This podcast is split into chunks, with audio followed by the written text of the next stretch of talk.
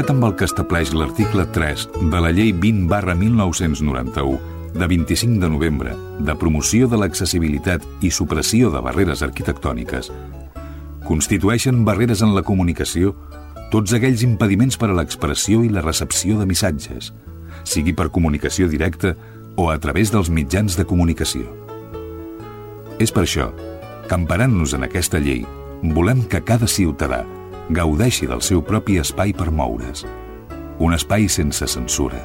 Un espai en què vosaltres sigueu els protagonistes. En definitiva, un espai per tothom. Benvinguts a Espai Vital.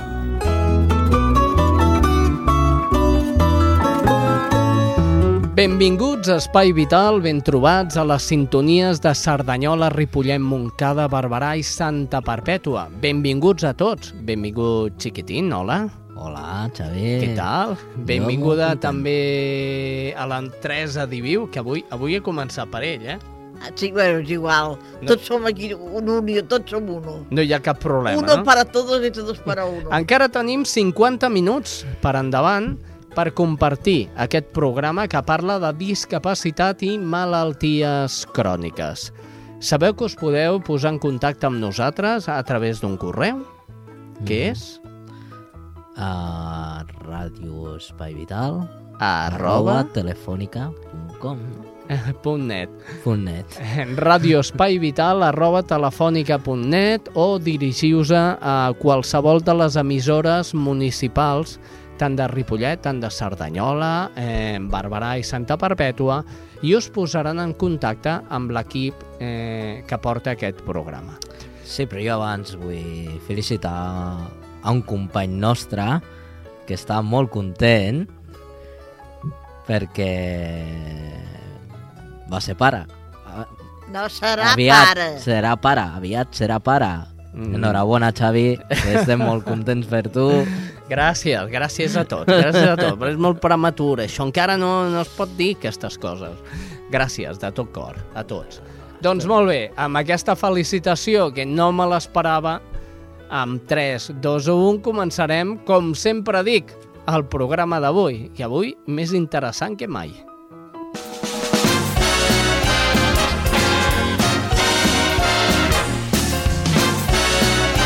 Espai Vital, el primer programa adaptat de les zones.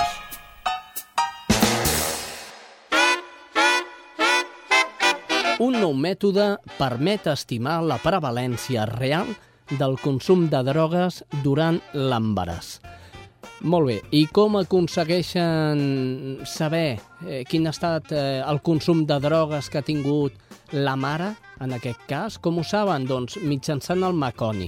Però bé, per, per parlar d'això i que ens clarifiquin més les coses, tenim a l'altre costat de la línia telefònica el doctor Òscar Garcia, de l'IMIM, Hospital del Mar, eh, eh, que és un dels signants de- d'aquest acord. Parlem amb ell. Senyor Garcia, bon dia.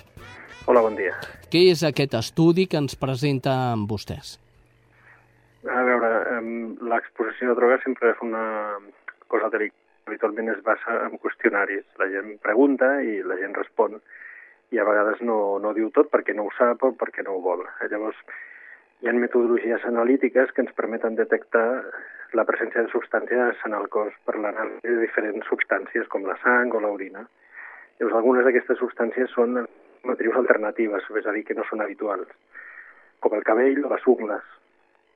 Una d'elles és el meconi, que són les primeres deposicions que fa el nadó i que ens permeten detectar la presència de substàncies eh, a les quals està exposat durant els dos últims trimestres de l'embaràs.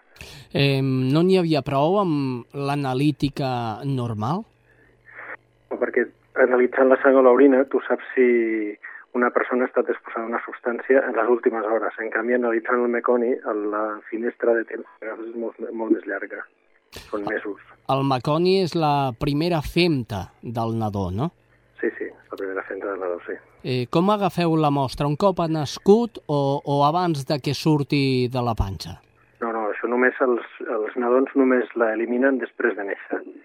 En algun cas excepcional de, de patiment fetal abans, però no. El que nosaltres utilitzem és el nen que ja ha nascut i llavors li recollim després. Quina és la finalitat més important que té aquest estudi?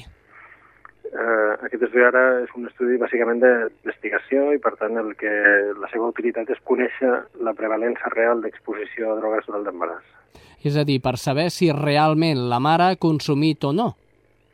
Sí, sí, si ha estat, el fetus ha estat exposat durant l'embaràs a, a aquestes substàncies.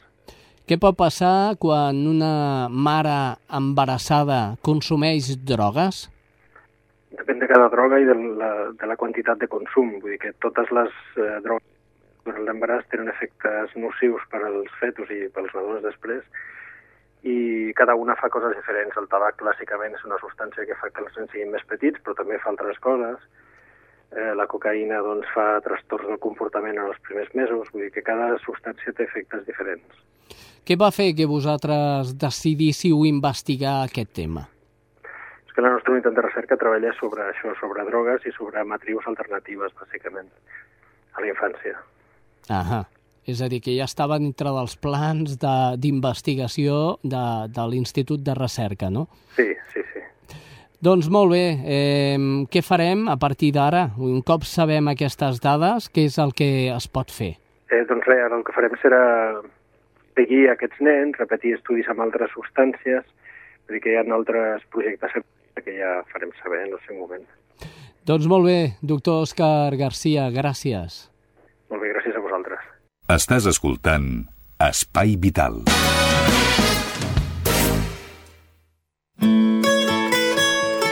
Doncs molt bé, arribat a aquest punt, anem a escoltar música.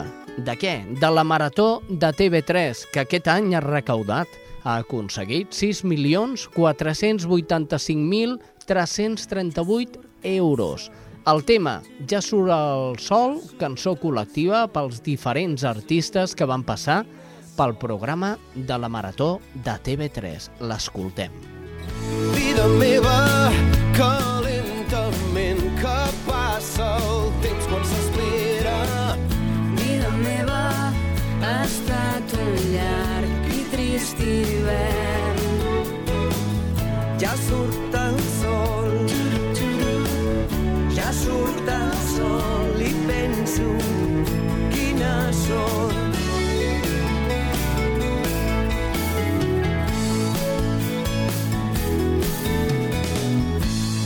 meva semblava que la llum no tornaria. Vida meva, però el meu somriure il·lumina. Ja surt el sol, Ja surt el sol i penso quina sort.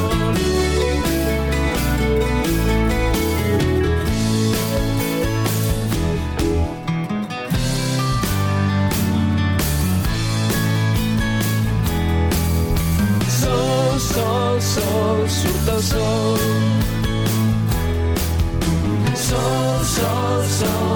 sol, surt el sol. Sol, sol, sol, surt el sol. Sol,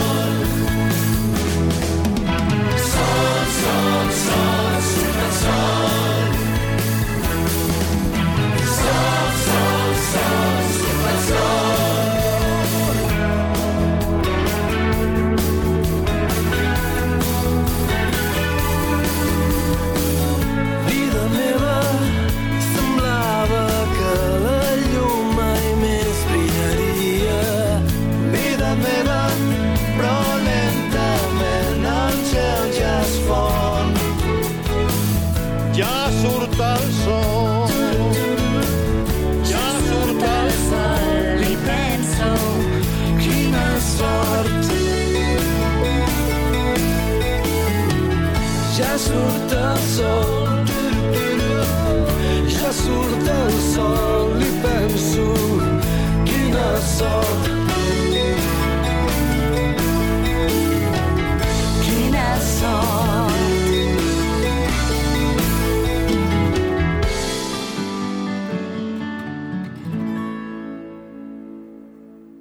Saps, filla, m'he trobat a la Montserrat. Fa temps que té anèmia i amb no res es cansa. Li he dit que si era celíaca, com jo... Ai, quines coses tens, mare. Una de cada 100 persones a Catalunya és celíaca i no ho sap. Si creus que pot ser celíac, truca'ns. 902 235 422. 902 235 422. És un consell de l'Associació de Celíacs de Catalunya.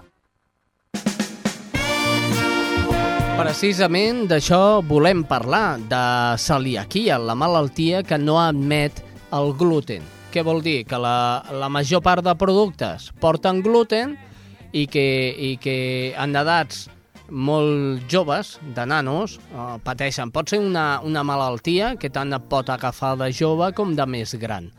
Doncs molt bé, eh, hem passat als Reis, els Reis han tirat carmels i aquest any hi ha hagut menys ajuntaments que s'han adherit a la campanya Carmel sense gluten.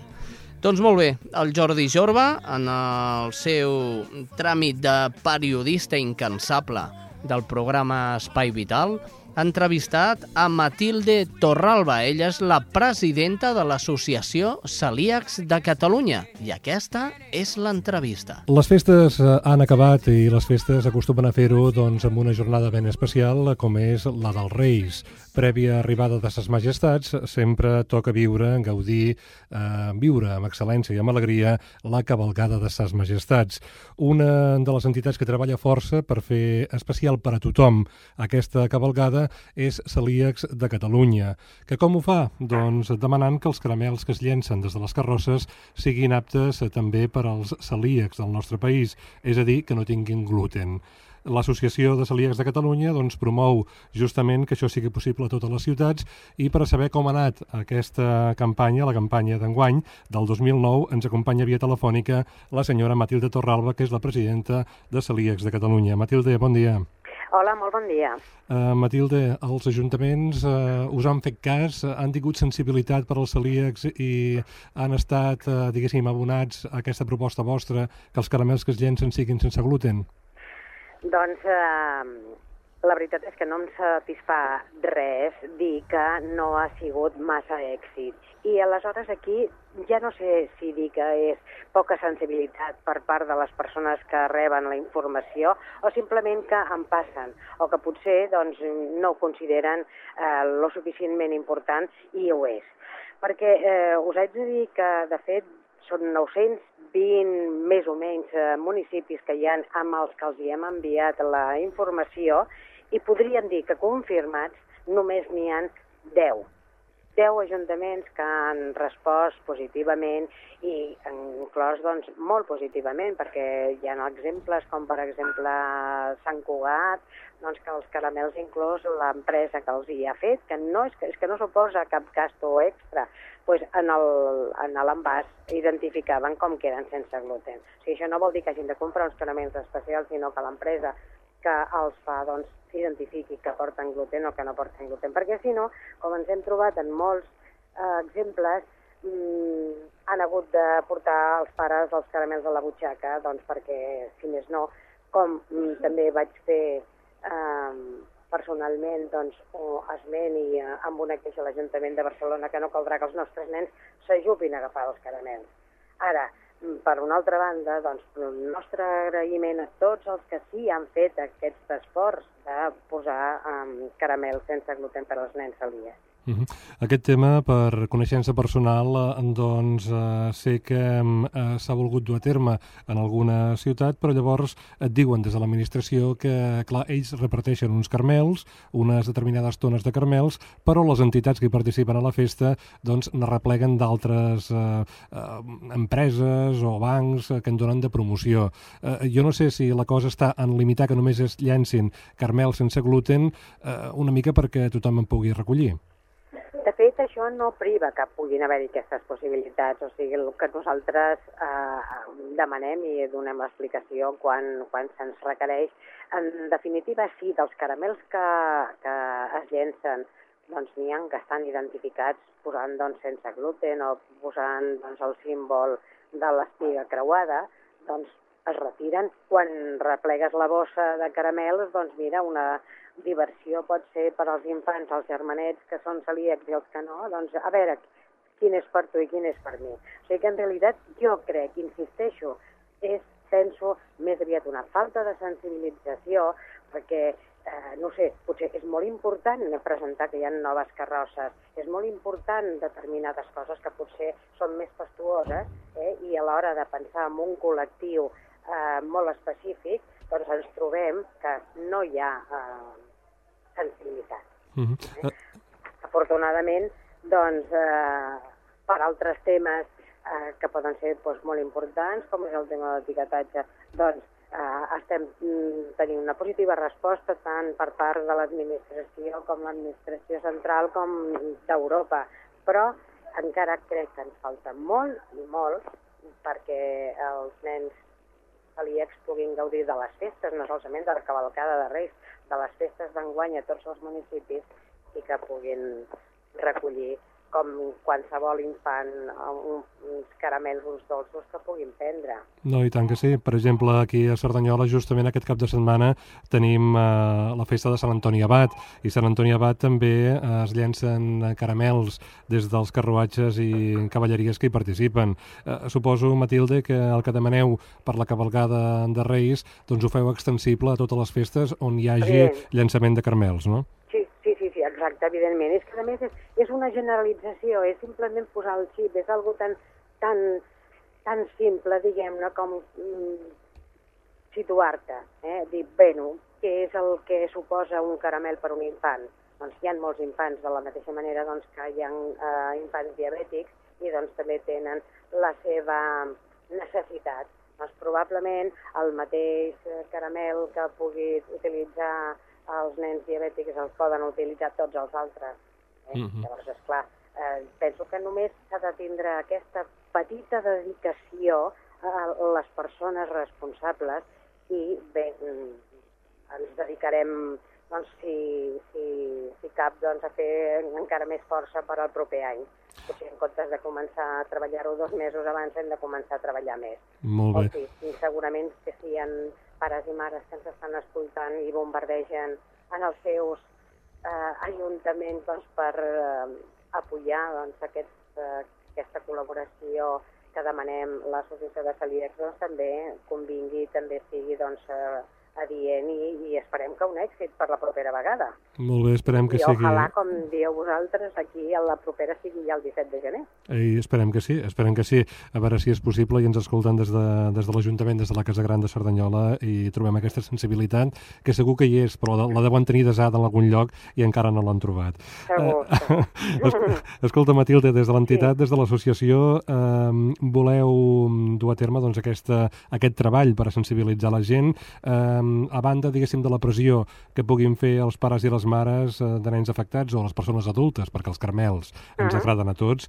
Eh, heu pensat alguna cosa en concret? Eh, heu de dissenyar una mica doncs, com millorar la campanya de comunicació perquè tothom prengui consciència?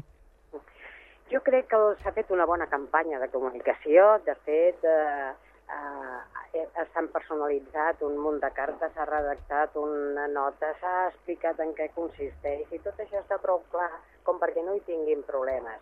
Però bé, a vegades, doncs, eh, no sé, tenim més, eh, més, oïda, més ressò en un municipi petit que no pas doncs, en una capital gran o, bé, no sé, suposo que en funció de si hi ha eh, molta gent eh, que faci soroll o que hi ha doncs, moltes situacions eh, problemàtiques que n'hi ha hagut, eh, en alguna ocasió doncs, eh, es desperti l'interès o no.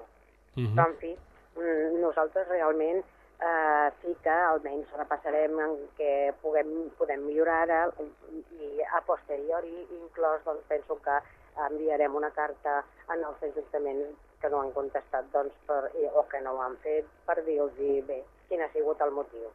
Hem de- seria una bona cosa, I tant que sí.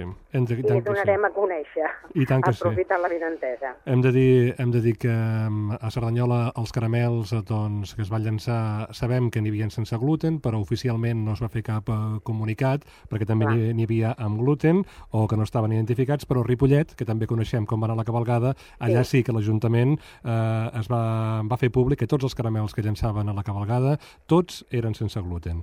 Vull dir que, que, que es va adherir a la campanya Cerdanya i de fet ja fa uns anys que ho està fent a Ripollet. Cerdanyola ho ha fet algun any i la resta de municipis on arriba aquest programa Espai Vital no tenim la informació que suposo en Xavier, que és el nostre company que coordina el programa, doncs cercarà per oferir-la en la seva totalitat.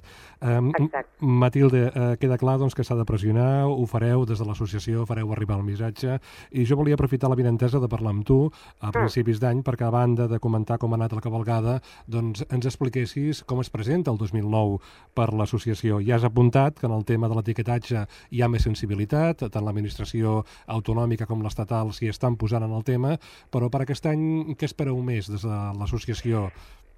Mireu, jo crec que una de les fites que m'agradaria molt aconseguir eh, personalment, i crec que tots estaran d'acord amb mi, és eh, que el, tots els fabricants implantin aquest eh, nou reglament, eh, que suposaria una, mm, una facilitat a l'hora d'anar a comprar. Això mm, ja és un gran pas el que s'ha donat i de fet hem de dir que som pioners i també haig de dir que la nostra associació ja ha tingut molt a veure en aconseguir que per part del Ministeri es fes aquesta proposta que després es va traslladar a la Unió Europea. Però una altra de les coses que no deixem de banda és aconseguir que hi hagi una subvenció per compensar l'excessiu gasto que suposa eh, la malaltia celíaca. No solament com pot cobrir aquest reglament el que vas a la compra, sinó en els productes específics que eh, per una família normal i més ara en aquests temps de crisi que estem realment eh, ha de ser eh, difícil doncs, poder mantindre el nivell eh, tan car que suposa fer una dieta sense gluten. Esperem que no solament es quedin en paraules i que sigui un fet i que es puguin aconseguir doncs, eh, alguna mena de subvenció per poder costejar l'alt cost dels productes específics. Si es poguessin sumar aquestes dues coses, realment seria un bon any 2009. I si no, doncs eh, quedarem una miqueta curts, però jo tinc fe, jo tinc fe, la veritat és que sóc una dona de fe, sóc una dona que no, no, no, no em quedo pel camí, no, no defalleixo, i, i bueno, no ens faltaran els ànimos per eh, aconseguir. De fet, ja comencem a l'any tenint cites en, en el Ministeri de Sanitat. Per tant, eh, podeu veure que és una continuació de lo que hem treballat fins ara. Molt bé. A banda de tot això, també el que es voldria dir, perdona si em deixes estendre Sí, una miqueta sí, més, sí, sí. és que eh, aconseguir també que totes les escoles doncs, tinguin eh, el menjar per als celíacs que encara ens estem trobant i una cosa molt i molt important és el tema de la restauració. Tenim un projecte en mans, un projecte ambiciós, eh, amb els gremis de restauració eh, de Catalunya i d'Espanya, que eh, potser en tres mesos us podríem dir ja que, que això és un fet i realment llavors el dia a dia de la vida quotidiana del celíac i de la seva família també eh, s'hagués millorat, eh, s'hauria millorat i, i realment si això ho aconseguim, pues, eh, una fita més. Molt bé, doncs Matilde, feina no us en falta pel que ens has comentat. Eh, I nosaltres estarem al cas i si podem ajudar-vos des del Vallès Occidental, des de les emissores consorciades que fem l'Espai Vital, doncs no ho dubtis que ho farem. Gràcies, uh -huh. Matilde, eh, bon any, Gràcies. eh, mo Igualment molta força, molta feina, fe en tens molta, ens ho has dit, i, Sí. i, i seguirem al vostre costat. Gràcies. I gràcies per la vostra col·laboració. Adéu-siau. Adéu-siau. Saps, filla, m'he trobat a la Montserrat. Fa temps que té anèmia i amb no res es cansa. Li he dit que si era celíaca, com jo... Ai, quines coses tens, mare. Una de cada 100 persones a Catalunya és celíaca i no ho sap. Si creus que pot ser celíac, truca'ns. 902 235 422. 902 235 422. És un consell de l'Associació de Celíacs de Catalunya. Estàs escoltant Espai Vital.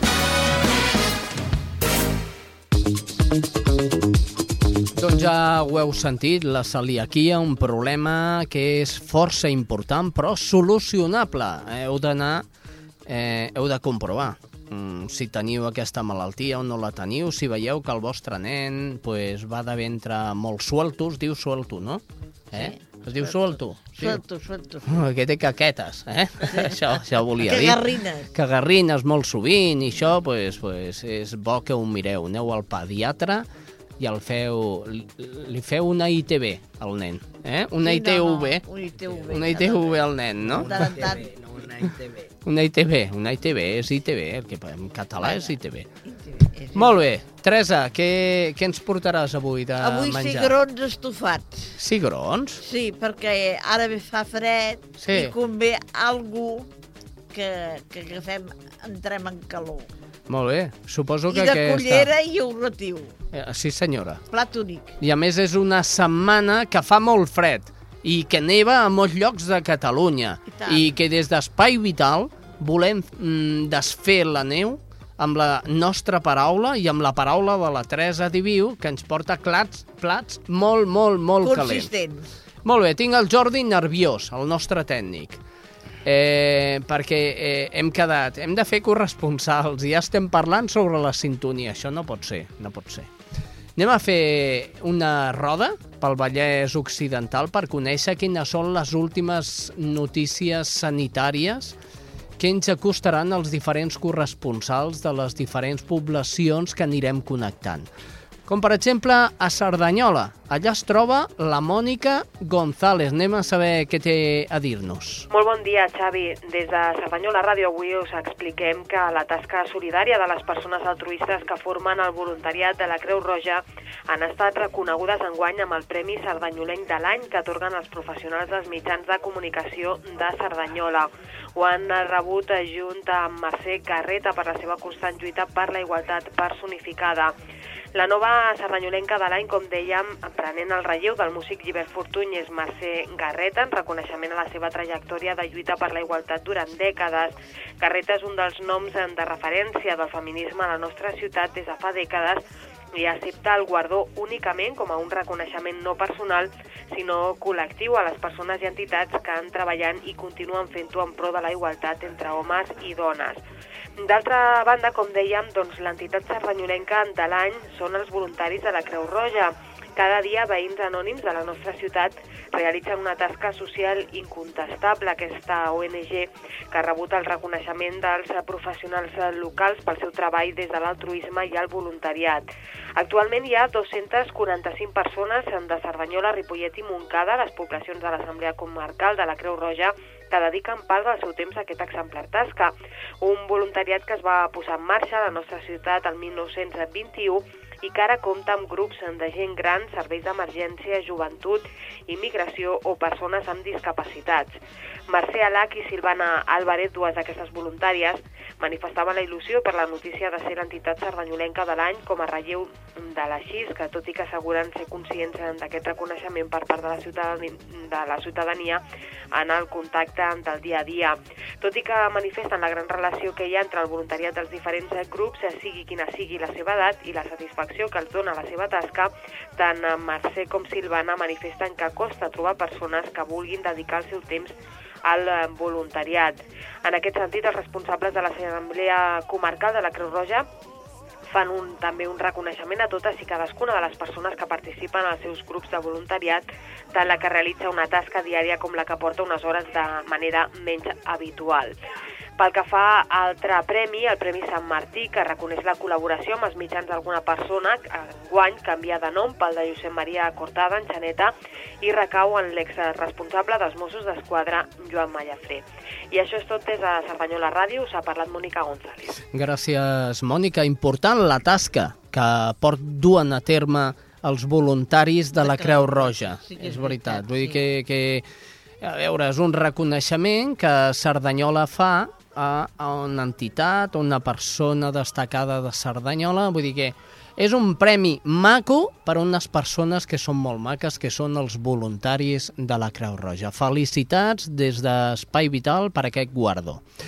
Molt bé, anem cap a Ripollet. Allà la Francina Ricard també té coses a dir-nos. Hola, Francina. Bona tarda, Xavi. L'Ajuntament de Ripollet va celebrar el dia 8 de gener una sessió extraordinària amb caràcter d'urgència del ple municipal. El motiu de la convocatòria era realitzar l'aprovació dels projectes que l'Ajuntament presentarà al Fons Estatal d'Inversió Municipal concedit pel Govern de l'Estat. Tant la memòria com cadascun dels projectes executius han estat aprovats per unanimitat amb els vots favorables de tots els grups polítics de l'Ajuntament, el Partit Socialista, Convergència, el Partit Popular i el COP Compromís per Ripollet. El consistori ha presentat 16 projectes a aquesta convocatòria per un import total d'uns 6.300.000 euros. Un d'aquests projectes, el més important tant econòmicament com per la seva envergadura, és la de la supressió de barreres arquitectòniques de tot el municipi. I això és tot des de Ripollet. Bona tarda. Bona tarda, Francina. De Ripollet ens n'anem cap a Montcada, com sempre, la nostra corresponsal de Montcada Comunicació per Espai Vital és Sílvia Díaz. Hola, salutacions des de Montcada, l'Espai Vital i feliç 2009. La primera crònica d'aquest any es dedica a les persones amb mobilitat reduïda. L'Ajuntament està duent a terme l'adaptació de les voreres del municipi per tal de fer-les accessibles a les persones que presenten dificultats de mobilitat i a la circulació de les que van amb carrets, de la compra o bé de nadons. En concret, s'han habilitat voreres als barris de Can Sant Joan, la Ribera, Marrampinyo, Can Cullàs, Montcada Nova i al centre i també a la Fontpudenta, amb una quarantena de passos per a minusvàlids. Les voreres tenen una amplada mínima de 90 centímetres i compten amb una part rebaixada que facilita l'accés. El regidor de Serveis Municipals de Montcada, Sergio Hermoso, ha explicat que la intenció és anar fent noves voreres en diferents punts de Montcada on hi hagi problemes d'accessibilitat. La DIL ha afegit que l'objectiu és eliminar elements urbans que obstaculitzen el pas per convertir el municipi, diu, en un lloc transitable per tots els ciutadans, eliminant les barreres a la via pública. Això per una banda, i canviant de qüestió, us hem de dir que des de l'1 de gener una nova empresa s'encarrega de la gestió i la prestació dels serveis domiciliaris al municipi. Es tracta de Personàlia, que depèn del Consorci Hospitalari de Catalunya. El canvi de gestió, segons l'Ajuntament, permetrà augmentar els serveis i fer una millor atenció dels usuaris. Doncs bé, això és tot per avui. Fins a la setmana vinent. Adéu-siau. Adéu-siau, Sílvia. I també felicitacions a l'Ajuntament de Montcada per fer cada dia una mica més accessible la seva població i lluitar-ho, no, lluitar per perquè això. Perquè allà estava molt malament anys enrere, me'n recordo, Mm. que tot eren uns carrers estrets, I forats. i forats i escales per tot arreu. Mm, I forats com la via del tren, l'autopista, la carretera, l'altra carretera, l'altra autopista... Vull dir, és, és el poble foradat per excel·lència. pues no, ja tenen bon mèrit, ja si ho arreglen. Oi que sí? Sí, senyora. Doncs vinga, felicitat per ells. Anem ràpidament a Bàrbara. Allà es troba la Núria Cabrera. Hola Xavi i hola a tothom els que esteu escoltant l'Espai Vital. Des de Bàrbara us parlem de que ja es pot consultar el programa de les activitats per la gent gran pel període de febrer a maig d'aquest any 2009.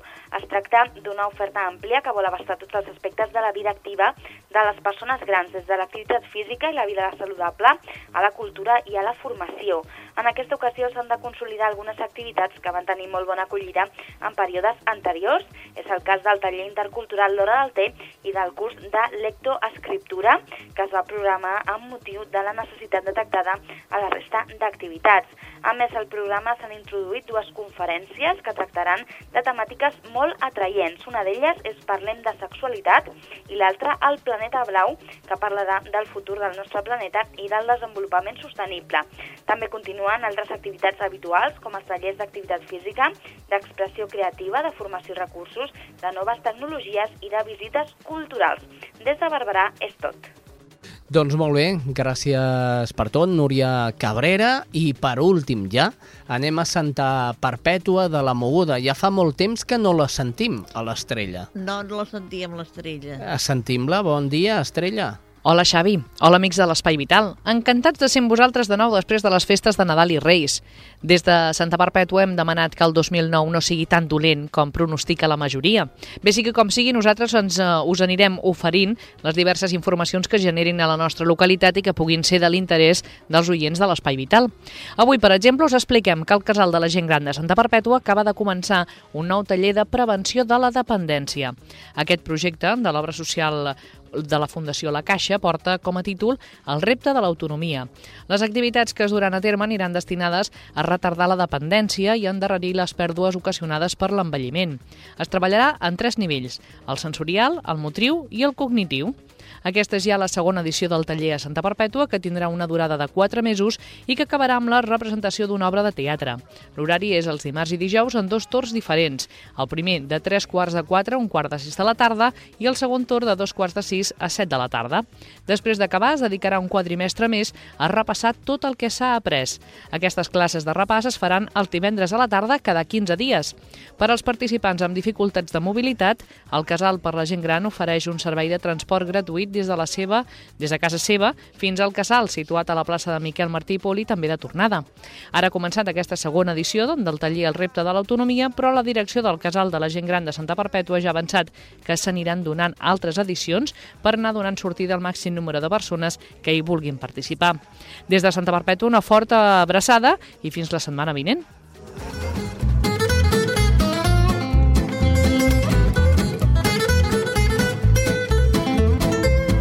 Això és Espai Vital.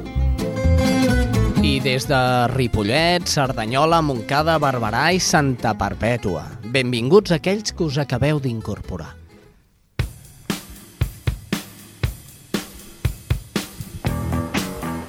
I jo diria que us acabeu d'incorporar al millor moment, un dels millors moments que té el nostre programa, el moment del cercador. Anda, que para empezar el año te he dejado bien, ¿eh? Me has dejado muy bien, demasiado bien.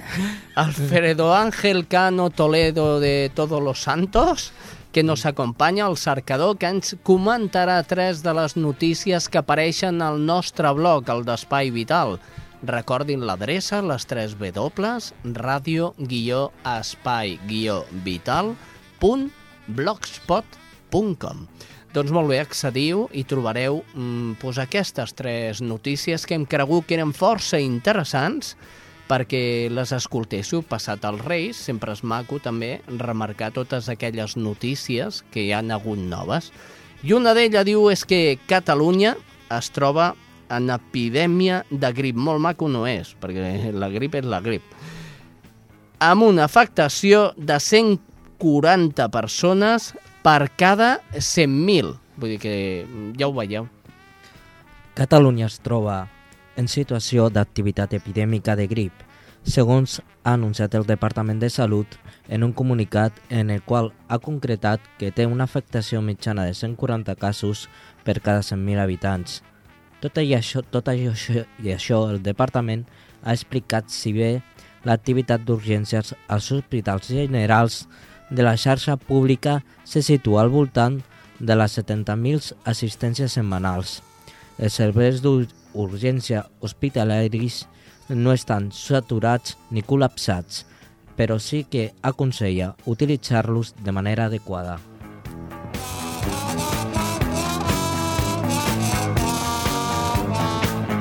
Uns 3.500 nens malalts residents a Catalunya han rebut classes a casa o a l'hospital. Més de 3.500 alumnes, la majoria d'entre 8 d'entre 3 i 8 anys d'edat amb malalties de llarga durada van rebre el 2008 classes a casa seva o a les aules hospitalàries que hi ha als nous centres sanitaris catalans, segons dades facilitades pel Departament d'Ensenyament. En concret, durant tot l'any passat, un total de 3.458 alumnes van rebre les classes impartides per 19 professors a les aules hospitalàries, mentre que 89 menors amb malalties de llarga durada van poder seguir el curs acadèmic des de casa seva, la qual cosa va requerir mobilitzar 45 professors. Molt bé, la consellera de Salut, Marina Geli, vol endurir la llei antitabac. Ja està bé, perquè mm, voleu dir que tots en fan cas de la llei aquesta? No gaire. Jo segueixo veient gent fumant per tots els bars. Sí, sí, jo també ho veig, també. No sé, doncs mira, també felicitem a la Geli per, per aquesta iniciativa. Anem a escoltar. Quan fa tres anys de la llei antitabac, la consellera de Salut, Marina Geli, ha anunciat que està treballant amb el govern central per reduir l'actual legislació. Ja fa temps que de l'executiu català s'ha plantejat ser més restrictiu amb la normativa, però ha deixat ben clar que en cap cas farà aquest enduriment en solitari. El que cal fer és continuar buscant consens per fer-s'ho extensiu a Espanya i fins i tot a Europa, ha, declarat, ha declarat Geli. La Marina Geli. Bona dona. Bona dona, bona consellera. Bona eh? consellera, una consellera. Ha fet molt, ha fet molt per, per Catalunya. Per la sanitat catalana. Molt bé, arribat a aquest punt, anem a... És que tinc gana ja. Jo, Jo, ja jo, tinc... I a mi els cigrons aquests... Eh, Eh, per això, eh? Anem... Ai, pillin, pillin. Anem a saber, anem a saber què ens porta la Teresa Diviu. Ja sabem, cigrons, però sabeu com es fan? Doncs escolteu-ho, escolteu amb atenció, perquè ara mateix la Teresa us ho explicarà. I amb la sintonia de la cuina de la Teresa Diviu, li diem, Teresa, quins Bona. cigrons més bons que ens faràs? Hauria de donar verdura per aquests dies, però ja suposo que molts ja ho tindran per entès. I, i, I més que paït, potser, no? Per això mateix, donarem uns cigrons estofats i adaptats. Molt bé, doncs vinga, som ingredients. Ingredients. Compreu un quilo de cigrons, jo suposo que n'hi ha per quatre persones, però si voleu, en compreu un quilo i mig, de cigrons cuits. Molt bé. Els llegums pues, sempre n'hi ha allà de molt bons. A la plaça en venen, A la clar. plaça, sí. Mm. Comprareu 150 grams de costella de porc, Ah. que us la facin a trossets. Mm. 100 grams de cansalada viada, també que us la facin a trossos, i 100 grams de xoriço. Si voleu dolç, demaneu dolç, i el que vulgui picant, pues picant. Mm. Una ceba, un tomàquet, un trosset de peba vermell que el ratllareu, Sí, oli, Mm. sal, molt bé. Aquests són els ingredients. els ingredients. sí. Ara anem a la preparació. Eh, Pues- Esteu apuntant tots?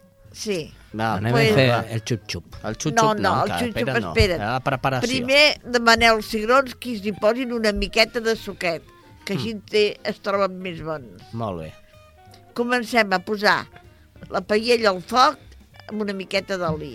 Sí. I posem la, eh, la costella, que es vagi fregint. Molt Quan la bé. tinguem mig fregint, i posem la cansalada, que es vagi també donant unes voltes. Com que la cansalada ja es cou més de pressa, doncs ja es acabarà de coure. Mm.